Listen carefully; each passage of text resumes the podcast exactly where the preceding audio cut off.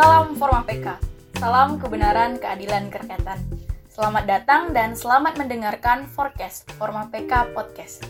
Perkenalkan, aku Widya dan di podcast kali ini aku mau ngobrol-ngobrol dan sharing-sharing pengalaman bersama kakak-kakak Forma PK selama mereka di Forma PK nih. Nah, sudah bergabung di sini ketiga kakak-kakak yang cantik dan ganteng. Walaupun ya pendengar forecast mungkin gak bisa lihat wajahnya, tapi kita kenalan dulu aja namanya. Oke, ke kakak yang pertama dulu nih, udah ada Kak Kiko. Halo Kak Kiko. Halo Widya. Gimana kabarnya nih Kak? Alhamdulillah baik. Alhamdulillah. Kak Kiko lagi di mana nih sekarang? Sekarang aku lagi di Malang. Lagi di Malang ya kak. Boleh dong kak Kiko memperkenalkan dirinya lebih jelas lagi, terus nama lengkapnya, angkatannya, sama posisinya nih di Forma sebagai apa sih? Ya, halo, nama aku Kiko Untoro. Aku dari angkatan 2019. Sekarang aku diamanahi sebagai Kepala Divisi Advokasi. Oke, berarti langsung Kepala Divisi Advo nih yang langsung turun langsung mau eh, sharing-sharing ke forecast hari ini. Oke, kita lanjut ke kakak yang kedua. Ada Kak Vinda. Halo Kak Vinda. Halo Widya. Gimana kabar Kak Vinda nih? Baik. Alhamdulillah ya. Eh, sekarang Kak Vinda lagi di mana nih Kak? Aku sekarang lagi di rumah di Kalimantan Tengah. Oke, boleh dong kayak Kak Kiko tadi memperkenalkan diri lebih jelas lagi, nama lengkapnya, angkatan sama posisinya di Forma. Halo, perkenalkan nama aku Maria Magdalena Nuvinda Romaga Vinsa. Singkatnya panggil aja Vinda. Tahun ini di Forma PK aku diamanahi sebagai Wakil Kepala Divisi Litbang dari Angkatan 2019. Wah, ini juga ada perwakilan dari Divisi Litbang nih. Oke, kita lanjut ke kakak narasumber yang terakhir. Ada Kak Cecil. Halo Kak Cecil. Halo Widya. Gimana nih Kak kabarnya Kak? Hmm, baik baik baik. Alhamdulillah ya. Kamu gimana? Oh, aku baik. Alhamdulillah. Kak Cecil, lagi di mana sekarang? Aku lagi di Bekasi. Lagi di Bekasi ya Kak. Oke, boleh dong perkenalkan diri kayak tadi Kak. Lebih jelas lagi namanya, angkatannya, dan posisi di Forma sebagai apa? Oke, halo, nama aku Brigita Cecilia Putri Noya, panggilannya Cecil, angkatan 2019. Tahun ini diamanahi sebagai Wakil Kepala Divisi Pengadaan Masyarakat atau Pengmas. Oke, berarti udah ada perwakilan dari tiga divisi di Forma nih, yaitu divisi Pengmas, Advo, sama Litbang yang bakal ngisi forecast kali ini. Oke, aku mau tahu dong kak, sekarang kan kita lagi di masa pandemi nih ya, yang mengharuskan kita itu tetap di rumah, terus kuliah aja harus secara online nih, nggak bisa langsung datang ke kampus. Nah untuk kakak-kakak sendiri nih, ada nggak sih kayak kendala-kendala selama kuliah di online, ataupun kayak udah merasa nggak semangat atau gimana gitu kuliah sekarang gara-gara online nih? Boleh dong Kak Kiko cerita-cerita dikit? Kalau aku ya, aku sih selalu semangat ya untuk kuliah ya. Ya soalnya kalau kuliahnya nggak semangat, nanti formanya juga nggak semangat gitu kan. Soalnya ilmu yang ada di kuliah kan kita terapkan di forma gitu. Jadi ya mau nggak mau ya harus semangat. Kalau aku sih gitu, Win. Benar tuh Kak, tetap harus optimis ya berarti walaupun keadaan kayak gini lagi pandemi. Iya betul. Kalau Kak Cecil gimana Kak kuliahnya Kak? Masih semangat nggak nih? Kalau aku sih awalnya mungkin semangat ya. Terus ya lama kelamaan ya capek juga ya sis ya jadinya ya agak menurun gitu semangat ya. Tapi ya namanya juga buat pendidikan harus tetap dijalanin mau nggak mau ya. Itu juga sama kayak Kiko supaya nambah-nambah ilmu buat yang bisa diaplikasi nanti di kasus-kasus forma. Bener banget. Gak apa-apa Kak, tetap semangat ya Kak Cecil. Nah aku mau ke Kak Vinda nih, mungkin ada kendala-kendala nggak Kak selama kuliah online nih? Kalau dari aku sendiri, entah kebetulan apa gimana, ini tempat aku sering mati lampu. Jadi ya kan sekarang online semuanya serba lewat laptop atau handphone gitu ya. Jadi agak terkendala sih di listrik. Cuman kalau aku sendiri syukurlah eh, masih bisa kuliah walaupun jauh gitu. Tapi kangen banget, pengen banget rasanya ke kampus lagi kayak dulu. Iya benar, aku juga di Kalimantan kan sama kayak Kak Vinda sering juga tuh ada kendala-kendala kayak mati lampu dan segala macam. Sama Kak, sama pengen banget gitu apa menginjakan kaki di kampus, apalagi kan aku belum pernah sama sekali kan. Oke, memang ya masa pandemi gini ya kita berharap semoga keadaan cepat lebih baik lah ya. Jadi bisa kembali seperti semula, bisa ke kampus lagi dan ketemu teman-teman. Nah kak, kalau untuk kegiatan di Forma PK sendiri itu di masa pandemi kayak gini yang mengharuskan kita untuk online itu uh, ada nggak sih kak kayak perbedaan-perbedaannya? Karena kan sebenarnya kan Forma PK ini uh, lembaga organisasi yang bergerak di bidang advokasi non litigasi yang pendampingan kasusnya itu uh, harus terjun langsung gitu ke masyarakat. Nah ada nggak kak perbedaan-perbedaan signifikan antara uh, Forma PK saat berkegiatan secara offline dan online. Boleh dong Kak Kiko diceritain? Iya, kalau perbedaannya ya jelas ada ya. Karena tadi yang udah Widya katakan juga bahwa Forma ini kan memang lembaga yang mendampingi kasus langsung ke lapangan. Perbedaannya ya karena online ini sumber daya manusia formanya terpencar kalau offline kan semuanya ada di Malang kan. Jadi dengan divisi-divisi yang ada kayak dari sekarang ini ada Pengmas, Litbang sama advokasi. Itu kalau offline mereka jalannya sendiri-sendiri. Nah, kalau online gini karena terpencar, kita kan tetap mendampingi kasus gitu kan. Nah, yang di Malang ini kasus-kasus yang ada di Malang akhirnya ya nggak bisa setiap divisi jalan masing-masing. Jadi ya semua sumber daya manusia yang ada di Malang itu mereka jalan bareng-bareng. Entah mereka divisi dari divisi Pengmas, Litbang ataupun advokasi karena memang sumber daya manusianya terbatas ya mereka akhirnya jalan bareng gitu loh. Perbedaannya itu sih. Oh, berarti ada yang memang terpencar, ada yang juga memang di Malang nih, tapi pasti tetap terkoneksi dong ya, Kak, setiap anggota Forma, walaupun itu secara online. Iya, tetap terkoneksi satu sama lain dari yang di Malang, dari yang di luar Malang pun komunikasinya juga tetap jalan. Uh, kalau Kak Vinda nih, ada nggak Kak kendala-kendala selama kegiatan forma yang harus berbeda nih, harus secara online. Ada nggak kak kendala-kendalanya untuk kak Vinda sendiri? Uh, kalau dari aku sih, mungkin waktu pertama-tama online dulu ya, kayak kita tuh masih beradaptasi gitu. Kan ini udah semester kedua, maksudnya kita udah cukup lama gitu kan ya uh, mengalami dari masa apa namanya yang offline sekarang online. Kalau awal-awal tuh emang kendalanya kerasa banget karena kita kayak masih bingung ini kegiatan yang harusnya kita datang ke masyarakat, yang harusnya kita kumpul, diskusi, itu gimana caranya kita buatnya jadi tetap jalan tapi dalam kondisi online. Nah, seiring berjalannya waktu kan dari kepengurusan yang sebelumnya juga kita tuh belajar, oh ternyata bisa dibuat seperti ini. Jadi itu sih kalau dari aku mungkin ada awalnya memang ada sedikit kendala gimana kita mengubah bentuk kegiatannya supaya forma ini bisa tetap jalan gitu walaupun dengan online. Itu sih. Kalau kendala lain mungkin ya kembali lagi kayak karena nggak semuanya di Jawa gitu kan uh, koneksinya yang bagus. Ada teman-teman juga yang di luar Pulau Jawa mungkin koneksinya kurang bagus koneksi internetnya. Itu juga menjadi salah satu kendala tapi sejauh ini sih puji Tuhan masih lancar-lancar aja kegiatan di forma Oh berarti memang kegiatan di Forma ini walaupun mau online tetap harus jalan ya kak. Tetap anggota-anggotanya tuh e, mengusahakan lah kalau kegiatan Forma ini nggak boleh berhenti walaupun diterpa pandemi istilahnya kayak gitu. Kalau untuk Kak Cecil nih, aku penasaran. Kan tadi kata Kak Kiko kalau anggota Forma ini kan gara-gara pandemi ya memang berpencar gini ya kan e, balik ke kampung halamannya masing-masing. Nah kalau untuk kayak pembagian tugas-tugasnya nih, kalau dulu kan kalau pas forma PK secara offline itu kan kita bisa sama-sama. Rapatnya secara langsung terus kayak terjun langsung ke masyarakat sama-sama.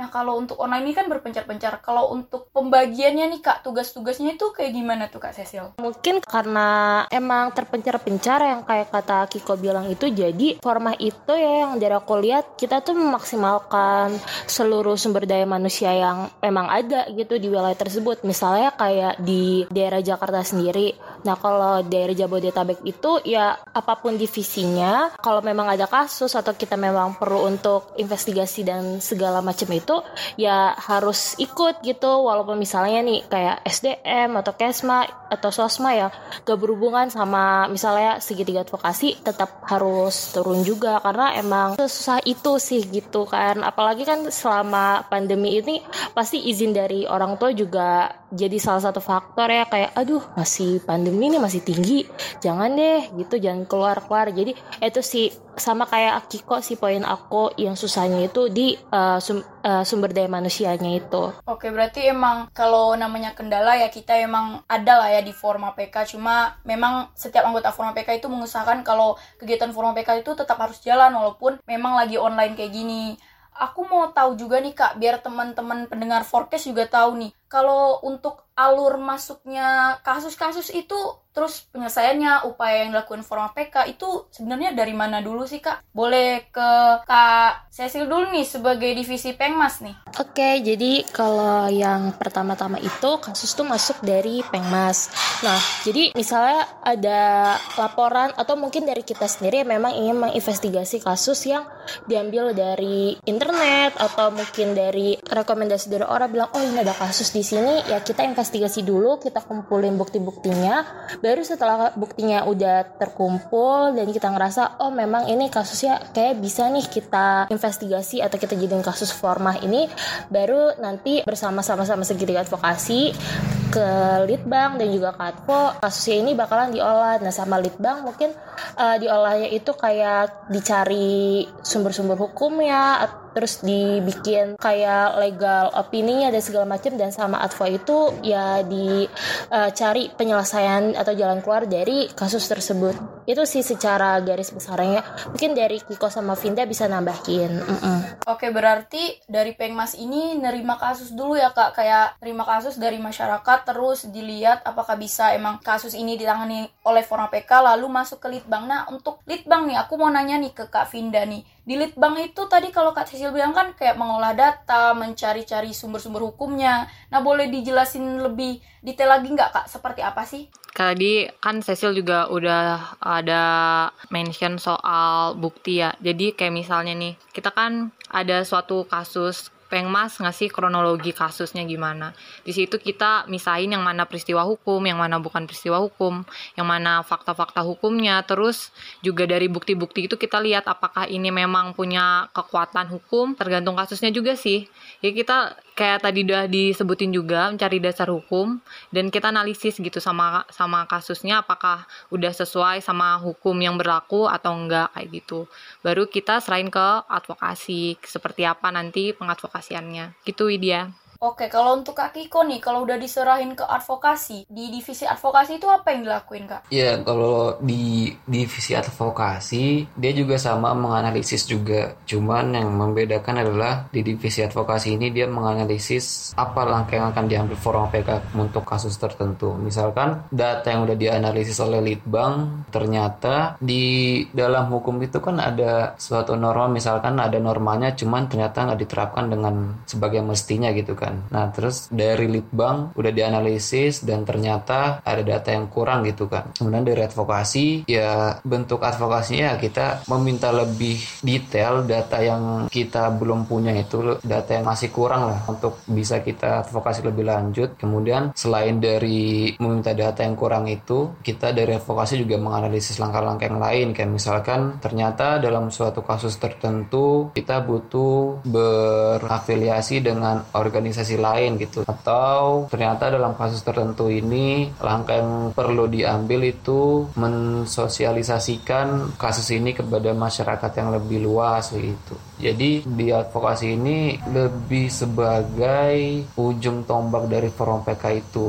Jadi yang dilihat dari pihak luar forum, forum PK itu ya advokasinya gitu kan. Jadi ya dari litbang dianalisis kemudian advokasi yang apa nih dari kasus yang udah disaring Pengmas ini bisa kita tangani kemudian dianalisis secara dasar hukumnya oleh litbang kemudian yang terakhir dianalisis juga oleh advokasi mengenai langkah apa yang terbaik untuk mendampingi kasus tertentu kayak gitu. Oh berarti kalau bisa aku simpulin berarti proses alur masuknya kasus hingga sampai diselesaikan itu berarti dari Pengmas dulu uh, Pengmas kayak mengolah eh, kasus-kasus yang bisa ditangani dan ngasih kronologi nih untuk Litbang mengolah-olah datanya untuk mencari dasar-dasar hukumnya terus nanti kalau udah dianalisis oleh Litbang ke advokasi nih dan advokasi itu nentuin langkah apa yang akan dilakukan oleh Forma PK. Oke, kalau gitu aku juga mau nanya nih Kak, penasaran juga nih. Kan berarti uh, Forma PK ini udah banyak nangani kasus-kasus nih. Yang aku tahu nih ada sekitar 7 kasus nih yang selama ini udah ditangani oleh Forma PK. Boleh dong Kak diceritain boleh sejarah garis besarnya, penyebabnya atau sudah sampai mana sih kasusnya? Boleh dari mungkin kasus pipanisasi Pasuruan dulu deh. Dari Kak Cecil mungkin. Kalau penyebab dari kasusnya pipanisasi Pasuruan ini apa sih Kak sebenarnya? Jadi warga itu mengeluhkan kalau misalnya daerah aliran sungai itu tuh tercemarkan. Nah, setelah memang diselidiki itu ada beberapa perusahaan yang membuang limbahnya ke aliran kali itu. Nah, jadi untuk meredam permasalahan antar warga dengan perusahaannya ini dari pihak perusahaan dan juga pemerintah setempatnya itu memutuskan untuk membangun pipanisasi gitu. Nah, uh, mungkin kalau misalnya mau tahu kronologi lebih lanjutnya itu bisa ke Kiko karena Kiko yang turun langsung juga sih ke kasus yang pipanisasi itu. Oke Kak Kiko, boleh dilanjutin dong mengenai kasus pipanisasi di Pasuruan ini gimana? Jadi sebenarnya secara garis besar udah dijelasin ya sama Mbak Cecil. Ya jadi ada suatu pabrik, beberapa pabrik lah di Pasuruan. Pabriknya itu menghasilkan suatu limbah, tapi tidak sesuai dengan baku mutu yang ditentukan oleh peraturan yang ada gitu kan. Nah kemudian mereka karena memang kan dia didesak oleh warga karena memang hasil dari limbahnya itu kan mempengaruhi desa-desa di sekitar kan. Dan kemudian mereka bukannya memperbaiki sistem limbahnya itu, namun mereka malah membuat pipanisasi, jadi limbahnya itu dialirkan melalui pipa sampai ke suatu desa. Ya desa-desa yang awalnya terdampak yang dekat perusahaan itu, ya mereka udah terbebas dari limbah tersebut. Tapi ini menghasilkan dampak baru bagi desa yang lain. Jadi pipa yang dibuat oleh perusahaan itu berhenti pada suatu desa tertentu gitu kan. Nah sekarang desa yang baru ini yang terdampak jadi limbahnya itu memang sudah berhenti mencemari desa yang sebelumnya tapi selanjutnya malah mencemari desa yang baru gitu. Istilahnya menyelesaikan masalah dengan masalah. Cara kronologinya kayak gitu sih mbak.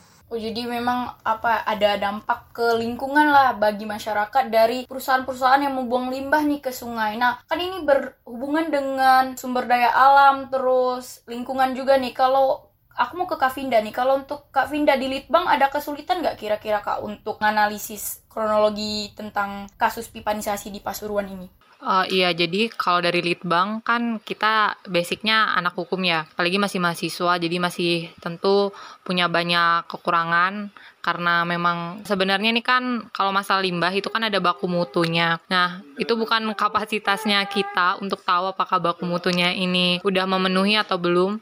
Maka dari itu kami kemarin ada menyurati beberapa instansi terkait untuk meminta keterangan mengenai baku mutu itu cuman itu masih ada kendala sih tentang surat menyuratnya cuman ya sedang diproses. Kendala lainnya kalau dari litbang sejujurnya ini agak bingung juga nih uh, soal dasar hukum. Karena setelah uh, litbang itu analisis banyak banget undang-undang kita kalau aku bilang sih kayak tumpang tindih gitu peraturannya. Jadi kayak uh, ini kita peraturannya pakai yang mana. Terus ada juga beberapa peraturan yang ternyata uh, udah nggak berlaku gitu. Nah itu agak ribet juga proses analisisnya itu di situ. Ya cuman karena lead bank kan juga nggak cuma satu orang, nggak cuma aku sendirian, ada juga teman-teman yang lain, jadi ya cukup terbantu sih dalam analisisnya gitu Widya. Oh berarti walaupun memang uh, tentang pipanisasi, tentang limbah itu memang bukan terlalu bidangnya kita lah sebagai anak hukum, tapi emang anggota Forma PK tuh kayak uh, tetap berusaha gitu untuk menganalisis kasus-kasusnya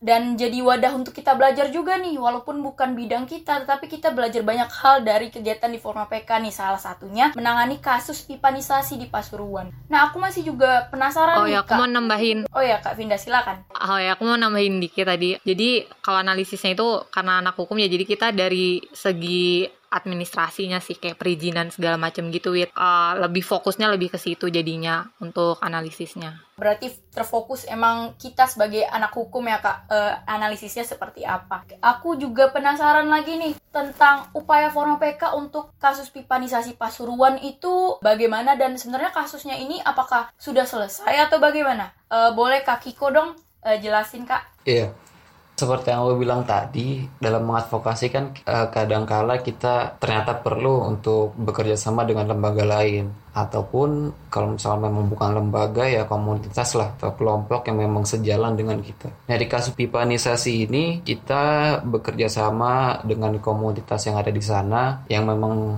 peduli terhadap dampak dari pipanisasi tersebut. Ya kita bekerja sama dengan mereka jadi kita mendampingi lah berapa minggu lalu atau beberapa bulan lalu itu kita mendampingi mereka di DPRD Kabupaten Pasuruan itu ada agenda dengar pendapat antara para perusahaan dengan masyarakat. Nah, itu salah satu upayanya dan dari Forma sendiri kita kemarin meminta data-data mengenai perizinan usaha dari perusahaan-perusahaan yang ada. Jadi kan ada beberapa perusahaan kan. Karena memang itu perusahaan yang udah bermasalah dari tahun 97 kalau nggak salah udah lama gitu kan. Ya, jadi kita curiga juga kan. Jadi kita meminta data mengenai perizinan usahanya itu jadi surat izin usahanya dan juga kita meminta surat edaran dari pipa saji tersebut. Kemarin kita udah meminta data itu ke DLH.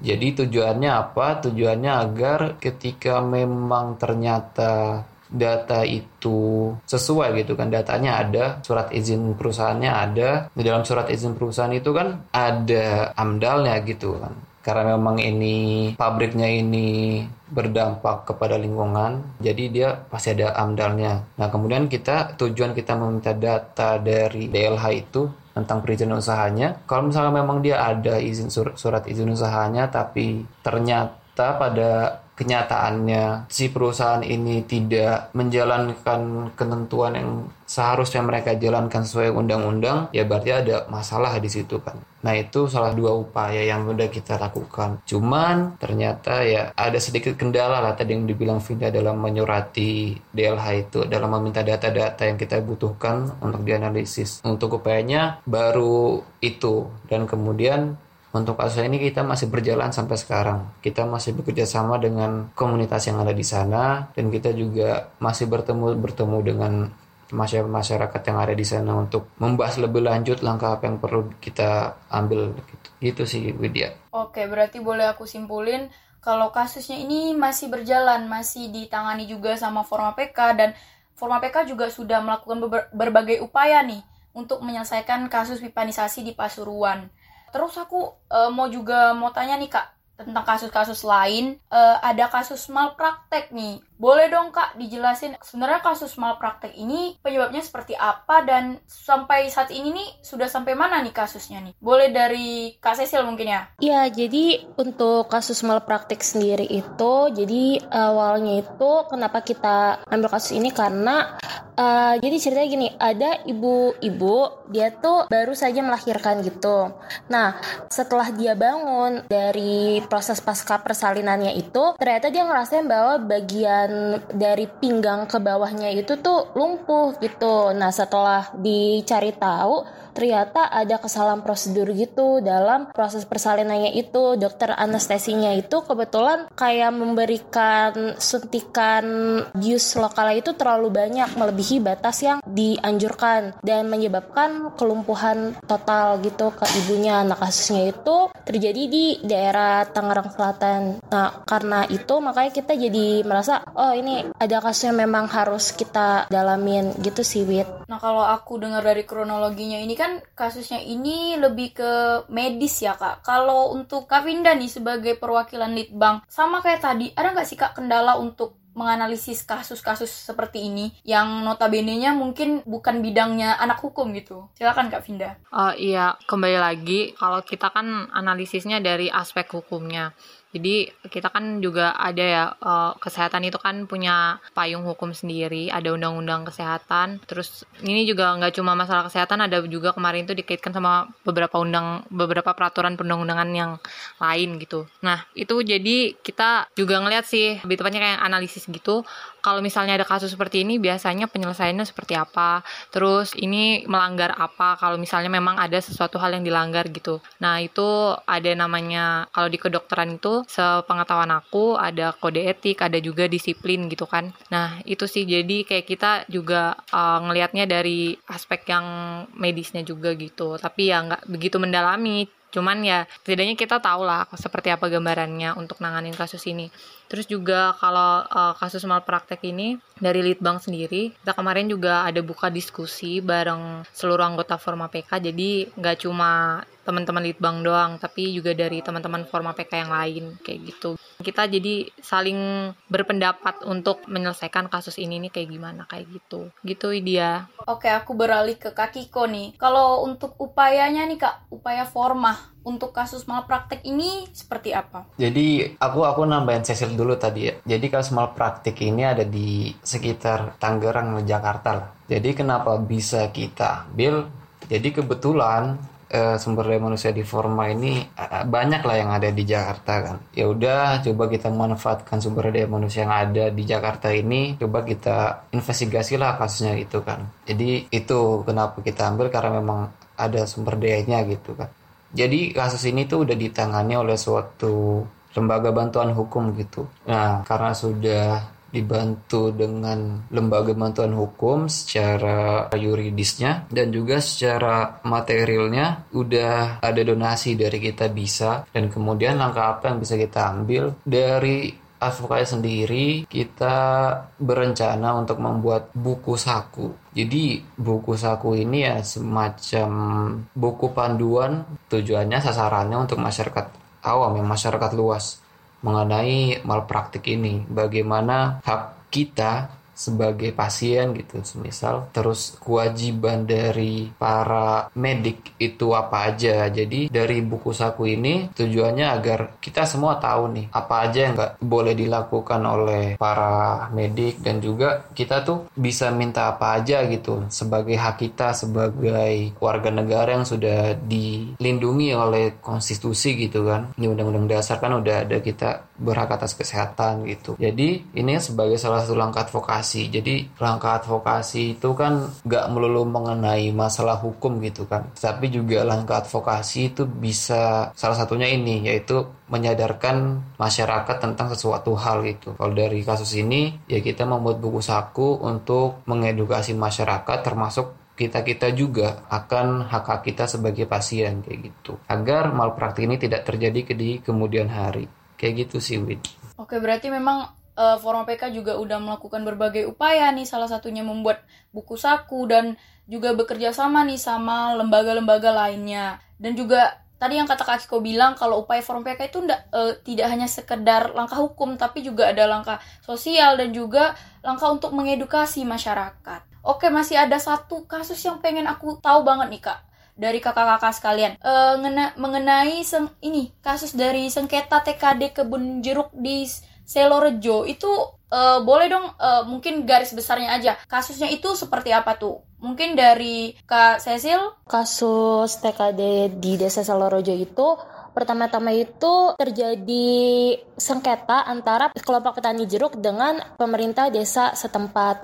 Nah, jadi uh, permasalahan itu tuh berawal dari si kebun jeruk ini kan udah mau panen ya. Nah, tiba-tiba si pemerintahnya itu tuh pengen apa mengalihkan gitu loh semua uh, hasil-hasil panennya ini untuk dijual via BUMDes. Tapi belum apa ya, belum ada kayak kesepakatan gitu antara dari pihak si petani petaninya dengan uh, pihak pemerintah desanya. Jadi pihak desa yang merasa loh kita udah menanam ini sekian tahun, terus tiba-tiba hasilnya mau diambil gitu aja sama pihak desa. Sementara dari pihak desanya juga berpikir bahwa oh uh, saya menjalankan memang sesuai instruksi dari uh, pemerintah pusat yaitu mencanangkan bumdes itu. Jadi ya adalah sengketa di situ juga. Nah selain itu pula di desa Solorejo itu juga ada permasalahan di bumdesnya itu. Jadi awalnya itu sih pas bumdes itu dibangun ternyata ketua bumdes itu berasal dari luar desa Solorejo yang mana seharusnya kan nggak boleh gitu. Dan katanya sih dalam pembuatan bumdesnya itu itu tuh tidak melibatkan seluruh warga setempat jadinya ya ada juga permasalahan di situ tapi untuk permasalahan bumdes sih sudah selesai tinggal yang sengketanya itu aja gitu Oke, aku beralih ke Kak Vinda nih. Untuk kasus sengketa TKD kebun jeruk di Selorejo ini udah sampai mana nih Kak? Dan uh, apakah ada kendala dalam menangani kasus ini? Uh, karena kasus ini kan emang udah dibawa ke pengadilan ya. Jadi dari Forma PK sendiri kita itu membantu masyarakat, tapi kita kan juga nggak bisa melangkai dan kita kan sebagai mahasiswa masih belum bisa beracara, beracara di pengadilan, jadi kita melakukan eh, ini cuma sebagai pendampingan kasus aja. Uh, kalau misalnya dari kendala ya mungkin buat teman-teman yang ada di Malang mungkin lebih ngerasa karena aku kan juga nggak di Malang posisinya sekarang jadi agak susah juga sih dalam mengontrol kasusnya ini udah sampai mana kayak gitu. Oke berarti kendalanya juga ada gara-gara pandemi ini ya kak secara online jadi untuk istilahnya mau mengontrol dan mengawasi kasus ini nih agak terhambat. Oke kalau untuk di forma ini kan eh, banyak sebenarnya tadi aku sebutin ada tujuh tadi kita udah bahas tentang pipanisasi pasuruan tentang malpraktek sama yang terakhir tadi kita bahas sengketa Peta TKD Kebun Jeruk di Selorejo nih.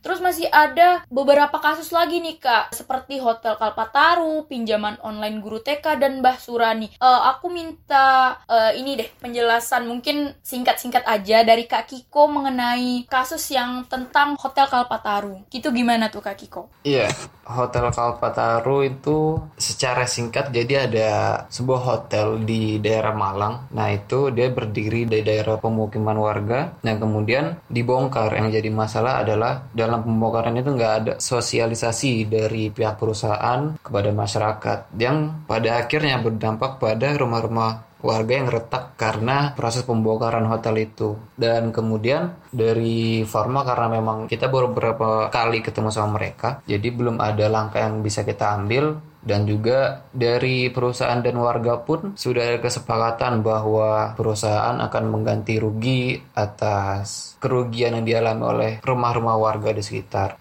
Terus kasus apa lagi? Uh, ada tentang pinjaman online guru TK nih kak pinjaman online itu juga baru masuk, baru kita ini sih, baru kita investigasi juga. Itu secara singkatnya di daerah Malang ada seorang guru TK yang butuh duit untuk melanjutkan kuliahnya, dia pinjam online, tapi kemudian ternyata belum bisa bayar, kemudian dia pinjam online lagi, pinjam online lagi, tapi pinjolnya itu kan ilegal. Kemudian ya dia diancam untuk disebar luaskan data pribadinya gitu gitulah itu belum kita bahas lebih lanjut sih soalnya emang baru masuk juga belum kita investigasi lagi. Oke, berarti dari kedua kasus itu yaitu kasus hotel Kalpataru sama pinjaman online guru TK ini masih berjalan, masih diproses di forma PK ya, Kak.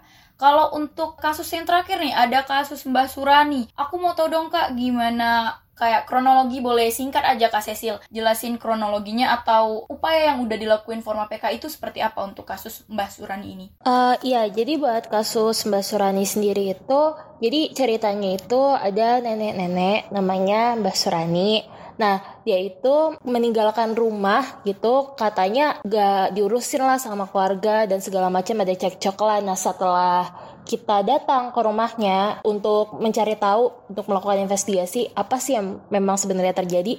Ternyata ada permasalahan antara Simba Surani dengan anak dan menantunya nah masalahnya itu lebih ke masalah ekonomi jadi Mbak Surani ya secara garis besar uh, menginginkan uang atas hasil penjualan rumah dan tanah segala macam tapi anaknya merasa bahwa oh itu dia hanya memberikan sedikit kontribusi dan segala macam jadinya ya balik lagi itu masalah personal dan masalah ekonomi yang menurut kami bukan ranahnya formasi kayak gitu. Jadi setelah kita udah datang beberapa kali ke Mbak ngelakuin mediasi terus membujuk supaya Mbak Surani pulang segala macam, akhirnya ya berakhirnya dengan kami cuma kayak menyarankan supaya Mbak Surani itu pulang dan juga menyarankan ada organisasi itu namanya Women Crisis Center Malang dan setelah itu ya udah sih kayak gitu kalau dari forma itu. Oke, berarti memang kasus dari Mbak Surani ini lebih ke kasus kekeluargaan ya, masih bisa diselesaikan secara kekeluargaan. Oke, dari yang aku lihat-lihat nih kasus-kasus di forma PK ini sangat-sangat beragam. Ada yang tentang pipanisasi, tentang limbah, terus tentang hotel, tentang medis seperti malpraktek, terus ada tentang pinjaman online, terus ada tentang sengketa tanah sama yang terakhir tadi kita tentang masalah kekeluargaan dari Mbah Surani. Dan dari yang aku dengar dari kakak-kakak tadi, kalau emang banyak upaya yang udah dilakuin Forma PK untuk membantu dan menyelesaikan kasus-kasus yang masuk ke Forma PK. Dan juga Forma PK ini nggak bekerja sendirian, tapi juga dibantu oleh organisasi-organisasi lainnya. Nah, untuk penutup nih Kak, aku pengen denger dong harapan-harapan kakak-kakak nih untuk Forma PK ke depannya dan juga mungkin untuk adik-adiknya nanti nih yang sebentar lagi mau bergabung ke Forma PK. Boleh dong dari Kak Vinda duluan, harapan untuk Forma PK ke depannya gimana? Kalau dari aku, harapan untuk Forma PK ke depannya bisa tetap terus aktif, tetap semangat dalam mengadvokasi, dalam mendampingi kasus-kasus yang ada di masyarakat, terutama uh, kasus-kasus bagi uh, yang menimpa kaum marginal seperti itu. Bagi teman-teman, adik-adik yang mungkin tahun ini bakal gabung di Forma, uh, forma itu menyenangkan dan banyak banget pelajaran yang nggak kita dapat di bangku kuliah itu sih kalau dari aku. Oke, kalau dari Kakiko gimana Kakiko harapannya? Kalau aku ya, buat nanti siapa aja yang mau masuk formal PK, ini sih tadi udah dibilang Vinda eh, belajar itu nggak harus di bangku kuliah dan juga kita itu di forum PK apa sih istilahnya? Learning by doing. Jadi kita yang awalnya nggak tahu masuk forma kemudian kita sesekali ikut kasus begitu tadinya nggak tahu apa-apa terus kemudian pulang menjadi tahu apa-apa gitu itu sih harapannya ya buat yang mau masuk formal PK nantinya ya harapannya mereka bisa terus merakyat lah gitu. Cukup. Oke Kak Kiko. Kalau untuk Kak Cecil nih terakhir nih Kak harapannya gimana untuk formal PK ke depannya? Dan untuk adik-adiknya nih nanti yang mau bergabung ke forma. Uh, kalau misalnya buat adik-adik yang udah uh, ada di forma untuk teman-teman kebal covid mungkin dari aku semangat terus nikmatin prosesnya karena ya balik lagi kita kan masuk dalam kondisi yang bener-bener nggak mengenakan kan. Ada corona segala macem. Jadi proses pembelajaran kita yang learning by doing kayak yang udah disebut sama Kiko sama Vinda mungkin sedikit terhalang ya buat beberapa teman yang mungkin rumahnya jauh nih dari pusat-pusat yang kayak dari pusat Jatim atau Jakarta uh, itu akan sedikit terganggu. Tapi percayalah pasti kalau emang kita niat semuanya tuh bakalan ada aja lah jalannya. Dan buat teman-teman yang mau join formah ke depannya nggak apa-apa dicoba aja dulu. Karena di formah itu tuh kita benar-benar belajar selain belajar juga. Kita juga membangun keluarga lah gitu. Jadi buat mahasiswa-mahasiswa rantau nih yang nanti sendirian atau apa join forma aja kalian bakalan dapat keluarga baru gitu sih. Oke. Yang dikatain kakak-kakak bertiga tadi itu bener banget karena aku sendiri ngerasain kalau emang di forma itu kegiatannya itu kayak apa ya ilmu-ilmunya itu nggak bisa kita dapatin di bangku kuliah tapi di formal lah aku belajar hal, hal baru tentang nangani kasus bahkan yang mungkin belum pernah aku hadapi nih sebelumnya juga. Bener kata kakiku tadi tuh learning by doing bener banget. Terus kata kak Cecil juga kalau di forma itu kekeluargaannya itu terasa banget itu bener banget. Walaupun aku secara online ya nggak bisa ketemu langsung sama kakak-kakaknya tapi masih terasa gitu kalau kakak-kakaknya tuh saling merangkul adik-adiknya Oke, aku mau ucapin terima kasih nih kepada Kak Kiko, Kak Cecil, dan Kak Vinda yang udah menyempatkan waktunya buat berbagi cerita, pengalaman, sharing-sharing di forecast kali ini. Uh, semoga cerita dan pengalaman tadi bisa jadi pelajaran nih buat teman-teman atau pendengar forecast lainnya. Sekian forecast episode kali ini. Aku Widya, pamit undur diri. Salam Forma PK. Salam kebenaran, keadilan, kerakyatan.